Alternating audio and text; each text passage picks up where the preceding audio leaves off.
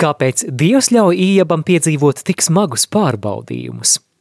Kā saprast, kuras rakstu vietas Bībelē jāsaprot burtiski un kuras nē? Kā saprast to, ka Dievs nocietināja faraona sirdi? Vai viņš faraonu padarīja par robotu? Šie ir daži no jautājumiem, uz kuriem atbildēšu šodienas raidījumā. Tavai uzmanībai raidījuma speciāla izlaidums – 24. epizode Vecās derības sarežģītie jautājumi. Randiņš ar bībeli Studijā Māris Veliks.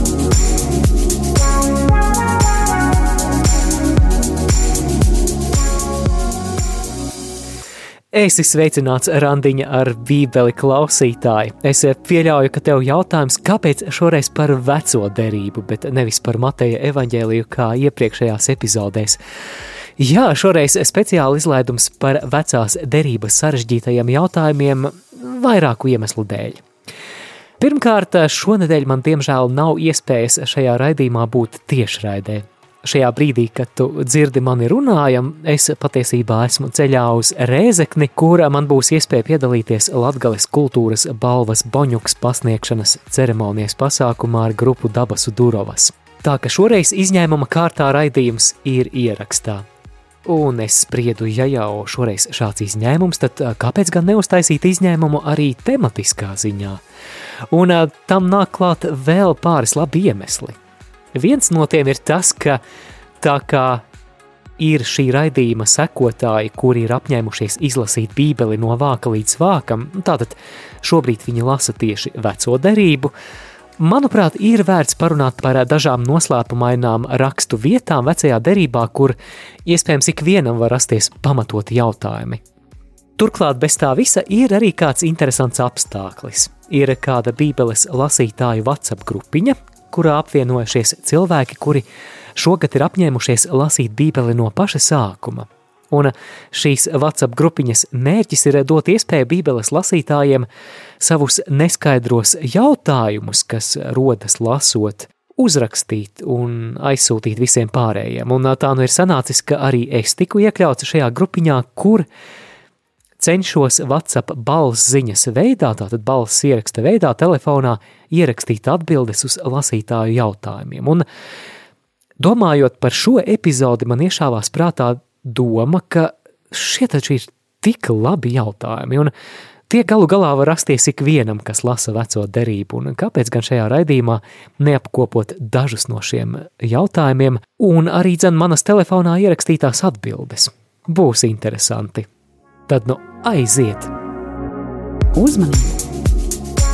Raidījums vedot klausītāju pa Bībeles dzīļu aizraujošajiem līkočiem, kur iespējams vēl nekad nav būts, var izraisīt nopietnu atkarību no privāta randiņa ar svētajiem rakstiem ikdienā.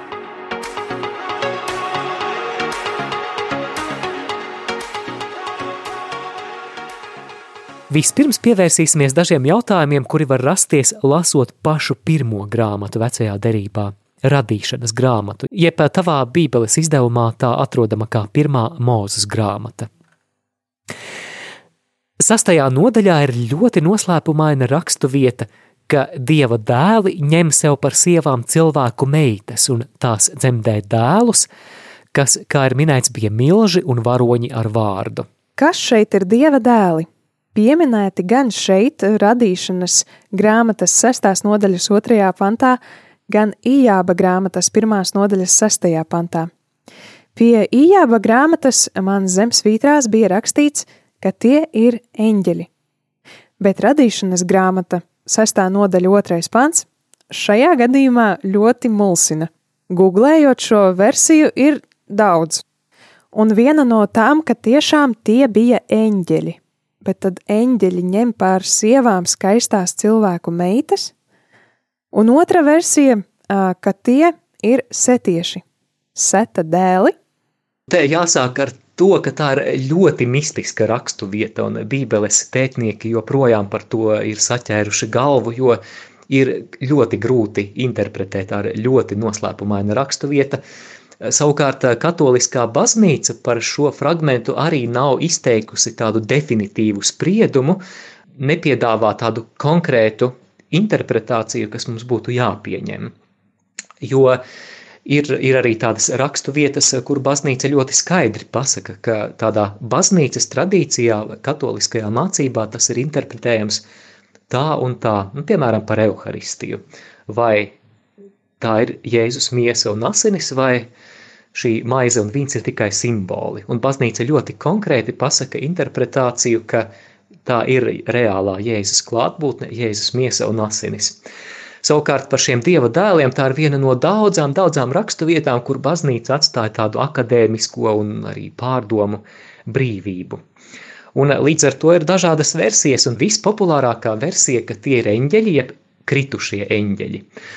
Par labu šādai interpretācijai varētu būt tas, ka tu jau arī minēji, ka, piemēram, Ījaba grāmatā ar dieva dēliem tiek apzīmēti eņģeļi arī 8. psalmā, un arī, cik es zinu, tad jūdaisma tādā agrīnā rabīniskajā tradīcijā arī tad tiek apgalvots, ka tie varētu būt eņģeļi. Problemātiski, problemātiskais aspekts šeit ir jautājums, vai patiešām eņģeļi ir spējīgi uz vairošanos.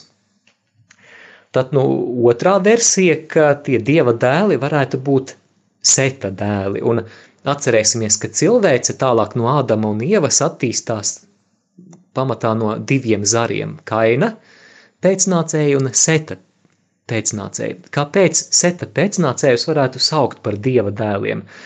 Tādēļ, ka atšķirībā no kaina pēcnācējiem, kur ir pilnīgs pagrimums un atkrišana, tad sēta pēcnācēji vairāk vai mazāk tomēr nes to ticības lāpu un kaut kur tajā viņu dzimtas atmiņā dievam kaut kāda vieta ir.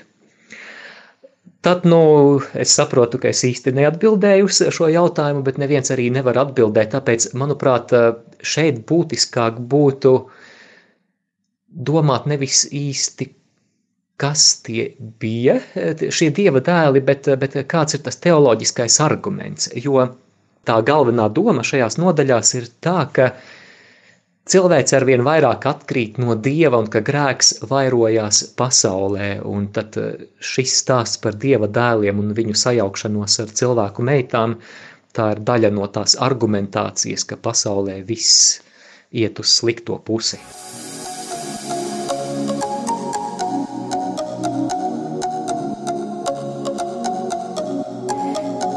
Kāpēc Dievs Abrahamam radīšanas grāmatas 17. nodaļā lika apgraizīt visus vīriešus? Paldies par jautājumu. Bībelē iemesls ir teoloģisks, jeb garīgs. Apgraizīšana ir derības zīme, un tas nozīmē, ka vīrietis, kurš ir apgraizīts, viņš ir iekļauts īpašā dieva cilvēku kopienā. Viņš ir aicināts uz īpašām privileģētām attiecībām ar Dievu, un ka viņš pieder Dieva tautai. Un pretēji, ja vīrietis netiek apgraizīts, tad saskaņā ar šo vecās derības likumu un praksi, viņš nav iekļauts ar Ābrahamu noslēgtajā derībā. Līdz ar to viņš ir izstumts no dieva tautas, viņš ir tai nepiederīgs. Es nezinu precīzi, kāpēc, kā derības zīmi Dievs izvēlējās tieši vīriešu apgraizīšanu, kāpēc neizvēlējās kādu citu zīmi. Ir spekulācijas, ka pamatā varētu būt kādi dabiski, piemēram, higienas iemesli. Bet kas mums kā katoļiem, kā kristiešiem būtu varbūt svarīgi atcerēties, ka mēs lasot veco derību, vienmēr paturam prātā jauno derību, jo vecā derība piepildās jaunajā derībā. Un tad nu vecajā derībā ir daudz lietu, kuras ir kā tāda ēna vai priekšstāvs kaut kam, kas pavisam citā kvalitātē piepildīsies jaunajā derībā. Un tad no, no, no šī viedokļa uz apgraizīšanu vecajā derībā mēs varam skatīties kā uz kristības priekštēlu. Jo te ir būtiskas paralēles. Jo gluži kā apgraizīšana bija iekļaušana dieva tautā un derībā ar dievu, tad šobrīd tas notiek caur kristības sakramentu. Notiek tas pats, ka kristībā mēs kļūstam par dieva ģimenes un dieva tautas locekļiem. Tad tā, tālāk būs interesanti, kā šis motīvs parādīsies pie praviešiem, it sevišķi pie pravieša Jeremija, jo viņš aizrādīja, ka apgraizīšana var kļūt par tādu ārēju formalitāti, un ka tā automātiski vēl nenozīmē dzīvi, kas ir patīkama Dievam. Jo viņš teica apmēram tā, es precīzi neatceros, bet tā doma ir tāda, ka jūsu priekšādas ir apgraizītas, bet sirds ir neapgraizīta. Un tātad ir jābūt arī iekšējām pārmaiņām, iekšējam atgriešanās procesam. Un tad jaunajā derībā Pāvils vēstulē romiešiem otrajā nodaļā rakstīs par pagāniem, kuri, lai gan viņi nav ārēji apgraizīti, viņi ir tādi iekšēji. Ar to norādot, ka pagāni, sekojot savai sirdsapziņas balsī, varbūt pat dievam patīkamāki nekā apgraizītie, kuru dzīve neliecina par paklausību dievam.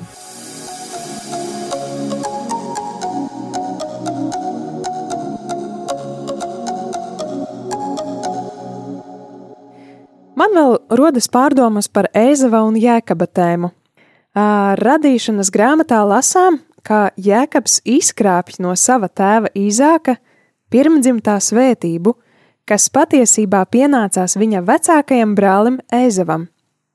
Kad Ēzavs saprot, ka viņam paredzētā svētība ir atdota viņa brālim Jēkabam, viņš lūdz, lai tēvs arī viņu svētītu bet tēvs Īzāks tomēr paliek pie tā, ka pirmdzimtā svētība tomēr Jēkabam netiek atsaukta un atdota Ezavam. Man šķiet, ka tas nav godīgi. Vai Jēkaba krāpšana un meli ir tik mierīgi akceptējama lieta, ka tikai mērķis sasniegts, vai tiešām tēva svētība ir tik neatsaucama, vai arī tāda, kas vienreiz izmantota un vairāk nav dabūjama? Šis stāsts par to, kā Jēkabs izkrāpj pirmdzimtā svētību, noteikti nav attaisnojums krāpšanai. Te jāņem vērā, ka vecā derība ļoti realistiski vienkārši attaino grēka ievainoto cilvēka dabu. Un kā mēs redzam, pat lielie patriarhi, Jēkabs tā skaitā dara lietas, kas ir morāli nepieņemamas. Ja mēs Pāvila vārdiem to komentētu, varētu teikt, ka visi ir grēkojuši un visiem trūkst dieva godības. Vēl es vēlos vērst uzmanību uz kādu svarīgu aspektu Jēkaba dzīves stāstā, proti, ka viņš savu tādu personības un garīgo briedumu piedzīvo ļoti pakāpeniski. Vispirms viņš ir krāpnieks un nemes dēliņš, Mēs tālāk redzam arī, ka viņa attiecības ar Dievu ir ar nosacījumiem, ka viņš ir gatavs kalpot Dievam tikai, ja Dievs viņam būs labvēlīgs. Bet tad ir tāds īpašs pagrieziena punkts Jēkaba dzīvē, un tas būs radīšanas grāmatas 32. nodaļā, kur viņš cīnās ar Dievu, un tur viņš saņem pat jaunu vārdu un jaunu identitāti, un pēc šī gadījuma Jēkabs ir pārveidots cilvēks, nu, pat ja vienalga vēl joprojām ar saviem trūkumiem. Rezumējums tāds, ka šis pirmdzimtības izkrāpšanas fakts noteikti nav cildināms biogrāfijas moments viņa dzīvē, un, un līdz ar to tad pamatots jautājums, nākamais jautājums, kāpēc šī izkrāptā svētība netiek Jēkabam atsaukta, ja jau tā ir iegūta negodīgā ceļā. Vispirms es sākšu ar to, kas tad bija tās pirmdzimtā tiesības attiecīgajā kultūrā un sabiedrībā.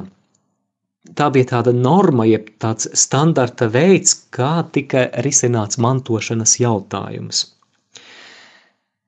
Pirmdzimtais, jeb vecākais dēls parasti mantojumā saņēma divreiz vairāk nekā pārējie brāļi, bet līdz ar to viņam bija arī noteikti pienākumi gādāt un rūpēties par visiem mazāk nodrošinātajiem dzimtas locekļiem.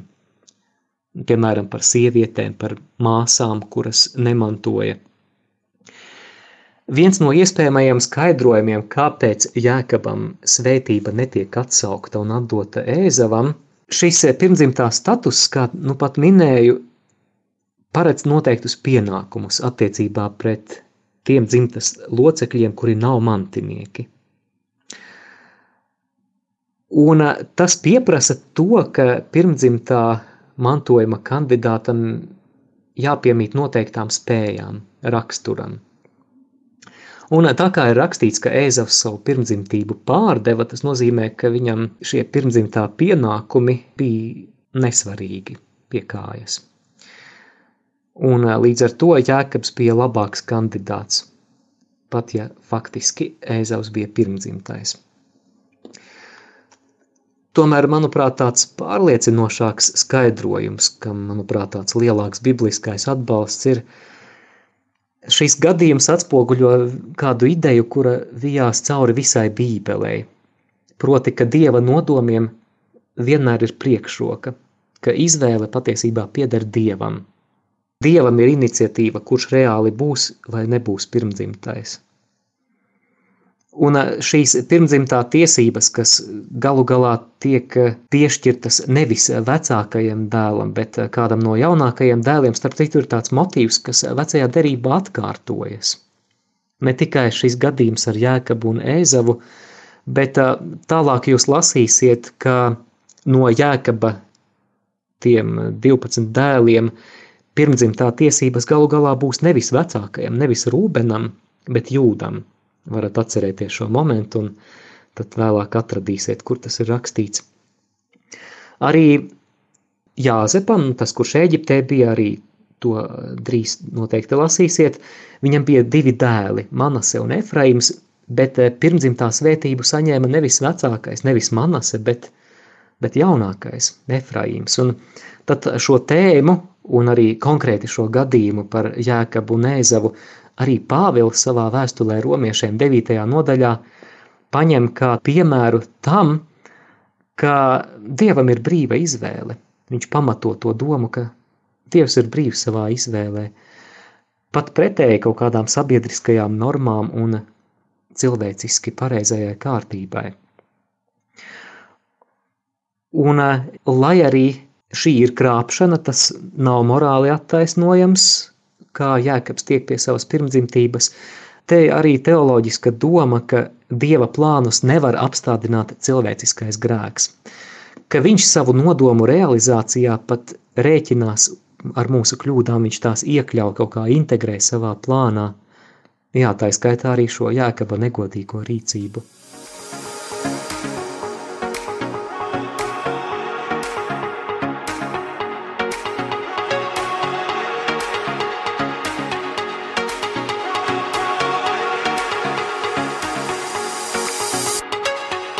Turpinām raidījuma randiņš ar bībeles pēc izlaidumu vecās derības sarežģītie jautājumi, un no radīšanas grāmatas pārceļamies uz Ījaba grāmatu.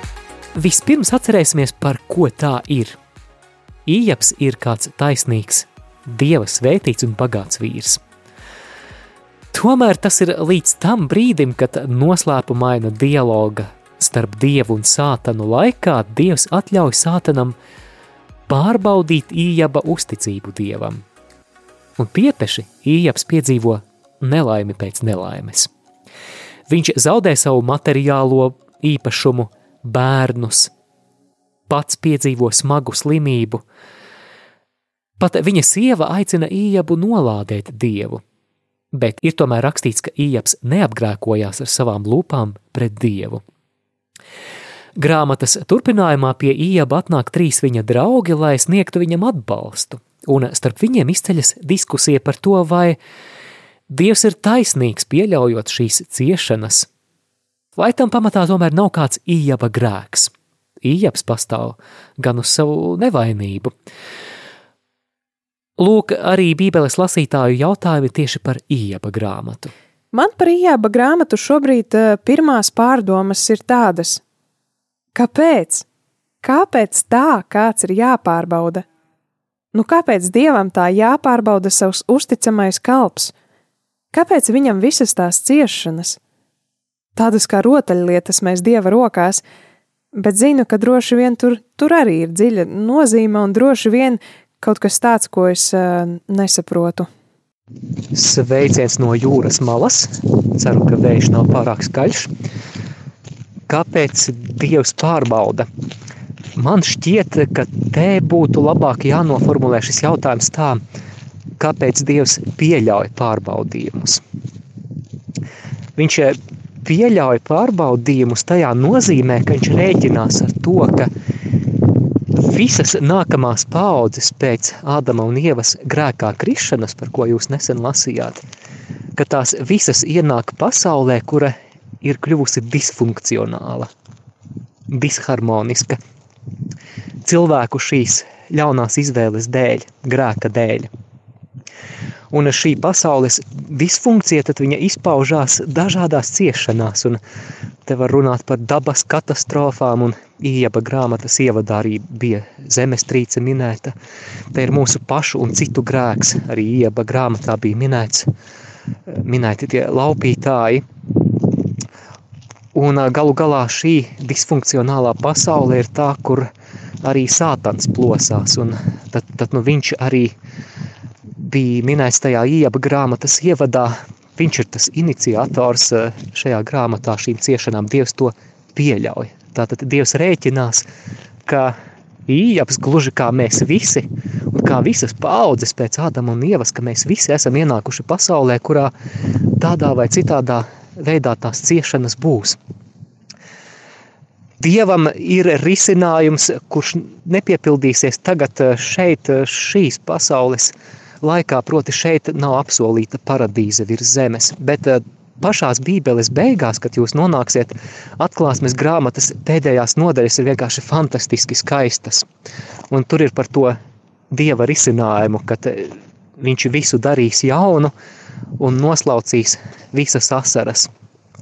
Bet līdz tam tā labā ziņa ir, ka Dievs rēķinoties ar to, ka mēs ienākam šajā ciešanu pilnajā pasaulē un ka visi dabūs vairāk vai mazāk ciest, viņš šīs ciešanas un, un jebkuru ļaunumu kaut kādā mistiskā veidā iekļauj savā plānā, tā ka no tā viņš spēja izvilkt labumu.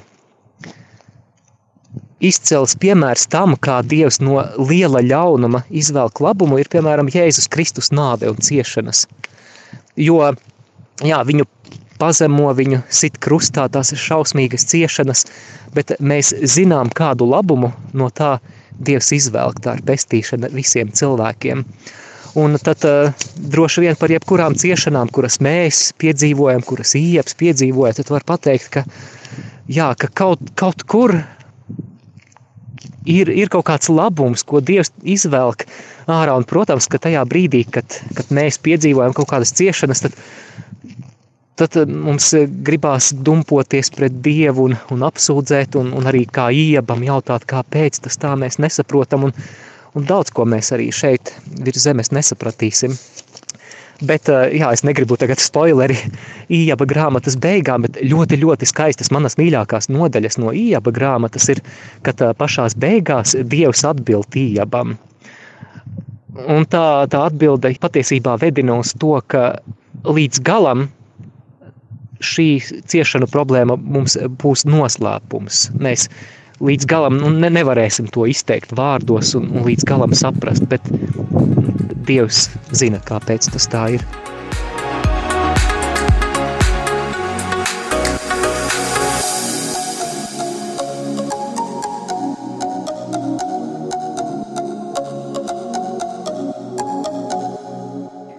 Par ījāba grāmatu mani mulsina dieva un sātana dialogi. Kāpēc tie ir atainoti tā, it kā saruna notiktu starp uh, diviem bijušajiem klases biedriem?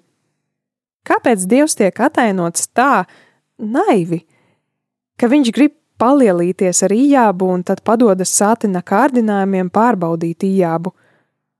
Un uh, vēl izskatās, ka viens būtisks jautājums ir par to, Kas tad Bībelē ir jāuztver simboliski, un kas tad ir kā vēsturiskais materiāls un jāuztver tiešā tekstā?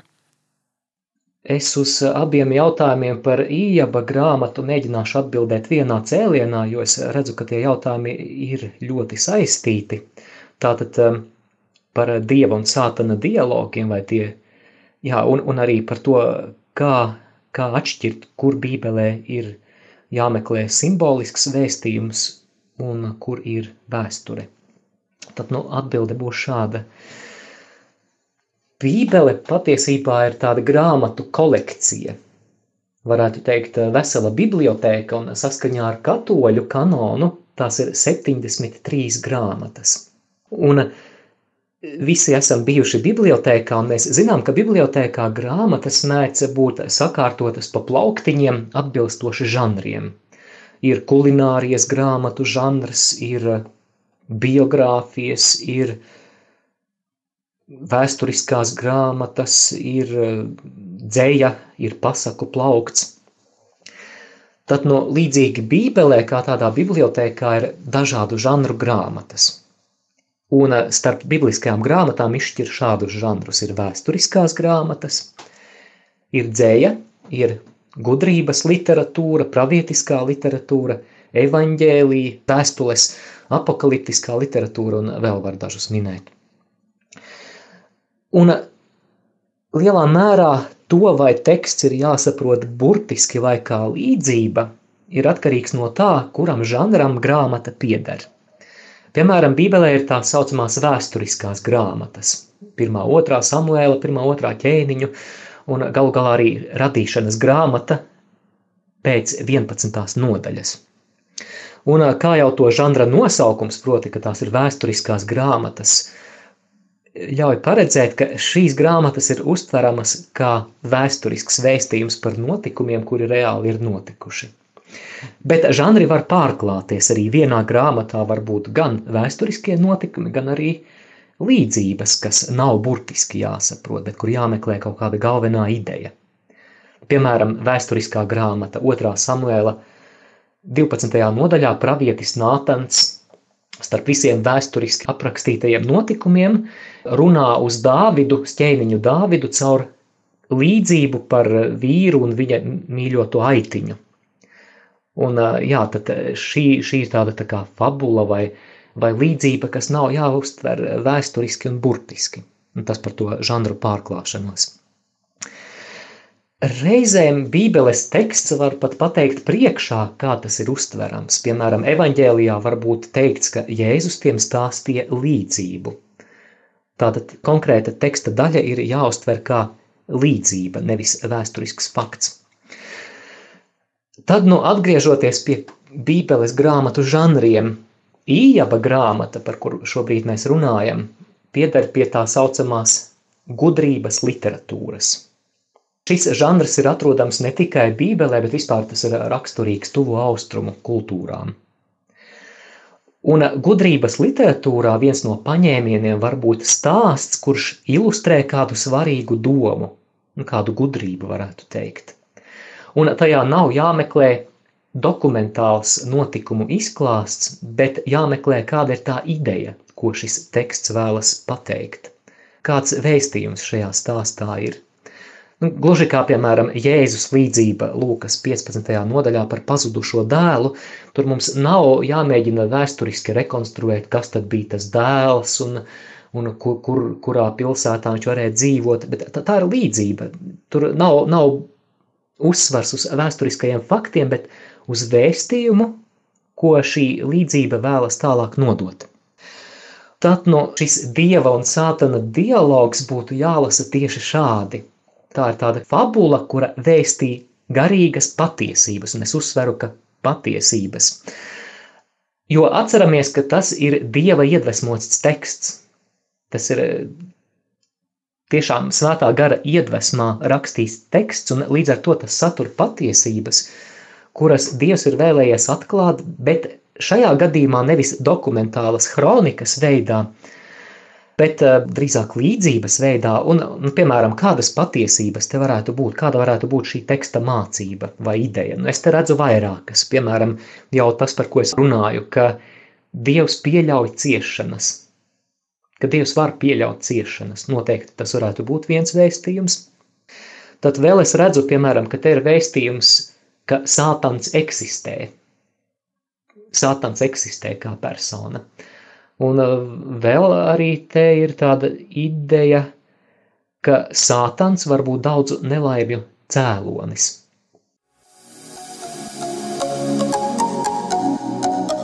Skan randiņš ar bībeli. Tavai uzmanībai raidījuma speciāla izlaidums. 24. epizode Vecās derības sarežģītie jautājumi. Dodamies uz izceļošanas grāmatu. Dievs sūta Mūzu un Āronu pie Eģiptes faraona, lai lūgtu atļauju paverdzinātajai Izrēļa tautai no Eģiptes iziet. Un tekstā ir kāda noslēpumaina norāde, kas var ļoti mulsināt Bībeles lasītājus. Ir teikts, ka Dievs nocietināja faraona sirdi, un mēs zinām iznākumu, tad nu faraons, piedzīvojot vairākas sodības, kas nāk pār Ēģiptes zemi, atsakās atļaut mūzum izvest tautu prom no Ēģiptes. Kādā nolūkā Dievs apcietināja faraona sirdi? Tiešām šeit mums tā neskaidrība rodas, kurš tad īsti ir atbildīgs par šo faraona rīcību, vai pats faraons, vai tomēr Dievs. Mēs zinām, ka Dievs cilvēkam ir devis brīvo gribu. Viņš nepadara cilvēku par robotu, kurš nenovēršami izpilda Dieva kaut kādu iekodētu programmu. Bet tad, nu, tāpēc šis šķiet tāds grūts jautājums, kā tad interpretēt to, ka Dievs tomēr nocietina faraona sirdi, vai nav tā, ka tomēr viņš padara viņu par robotu. Tā vienkāršotā atbilde, kas patiesībā nav nemaz tik vienkārša, ir šāda. Pats faraons ir pirmais, kurš izdara izvēli nocietināt sirdi. Ja? Tātad pats faraons. Dievs savukārt kādā brīdī vienkārši ņem vērā šo faraona galējo izvēli – un iekļauj to savu nodomu realizācijā. Tātad šis izteikums, ka Dievs nocietina faraona sirdi, patiesībā ir tas, ka Dievs ņem vērā faraona izvēli nocietināt sirdi, bet iekļauj to savos plānos.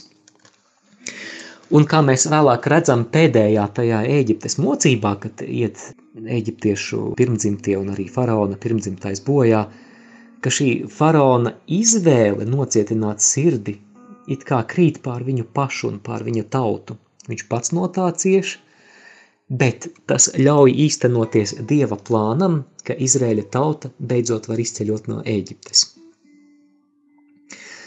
Tagad svarīgs jautājums, kas pašā izceļošanas grāmatas tekstā var pamatot tieši šādu interpretāciju. Un te interesantas lietas – jau izceļošanas trešās nodaļas 19. pantā Dievs mūzum saka, ka viņš zina, ka faraons viņus nelaidīs. Un pievērsiet uzmanību, ka šeit nekas nav teikts par to, ka Dievs nocietinās viņa sirdi. Tātad Dievs vienkārši informē, ka viņš zina, ka faraons viņus nelaidīs. Tātad viņš paredz paša faraona rīcību. Un tikai vēlāk, 4. nodaļā, 21. pantā, Dievs saka, ka viņš nocietinās faraona sirdi. Respektīvi, saskaņā ar šo piedāvāto, manis piedāvāto interpretāciju, viņš rēķināsies ar paša faraona izvēli. Jā, šī faraona izvēle būs negrozāma, arī Dievs to nemainīs, bet viņš pavērsīs to tā, ka caur to īstenosies Dieva mērķi. Tātad tālāk tekstā sekotās desmit Ēģiptes mocības vai sodības, kā nu kurā tulkojumā. Un kas ir interesanti, ka tā faraona sirds nocietināšanās ir minēta pie katras no šīm desmit. Bet tur ir būtiskas atšķirības, un, un te arī ir pamatojums šai atbildēji, kuru es piedāvāju. Tātad, ja mēs uzmanīgi lasām, mēs ievērosim, ka Izteikums, ka Dievs nocietināja faraona sirdi, ir tikai no 6. līdz 10. mocībai, tātad četros gadījumos pēdējos. No 1. līdz 5. mocībai ir rakstīts, ka vai nu pats faraons nocietināja sirdi, vai arī viņa sirds palika nocietināta. Te ir secība. Tātad vispirms pats faraons nocietina sirdi – un tikai vēlāk pēdējās četrās mocībās ir minēts, ka Dievs nocietina viņa sirdi. Tad, ņemot vērā šo secību, atbilde uz jautājumu, kurš bija pirmais, Dievs vai faraons, šajā sirds nocietināšanā, atbilde ir faraons. Dievs nocietina viņa sirdi tikai tajā ziņā, ka viņš pieņem un rēķinās ar faraona izvēli, kuru iekļauj savu plānu realizācijā.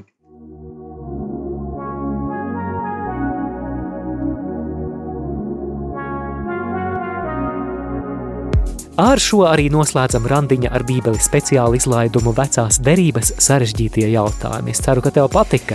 Es domāju, ka ļoti daudzi rādījumi arī klausītāji man šobrīd piekritīs. Paldies, tev, Māri, par šo raidījumu. Man daudz kas kļuva skaidrāks. Ar nepacietību gaidām nākamās epizodes. Atgādinu, ka raidījumu randiņš ar bībeli, kā arī citus radio Marija Latvijas raidījumus šobrīd ir iespējams klausīties arī Spotify un iTunes. Ļoti, ļoti ērts veids. Ierakstiet meklētājā raidījuma nosaukumu un atradīsiet visas iepriekšējās epizodes. Savas atsauksmes raksti uz e-pastu randiņš ar bībeli at gmail.com.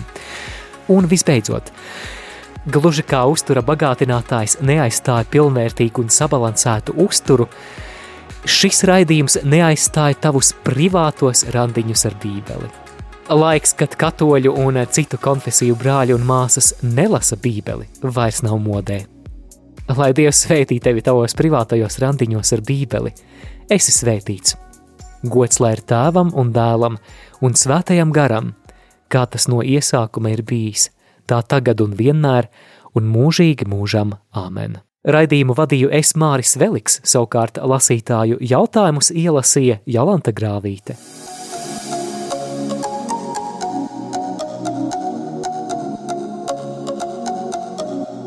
Jūs klausījāties raidījumu Randiņš ar Bībeli. Savas atsauksmes, ieteikumus un jautājumus sūtiet uz e-pastu randiņš ar bībeli at gmail.com. Iepriekšējās raidījuma epizodes aicinām meklēt arhīvā.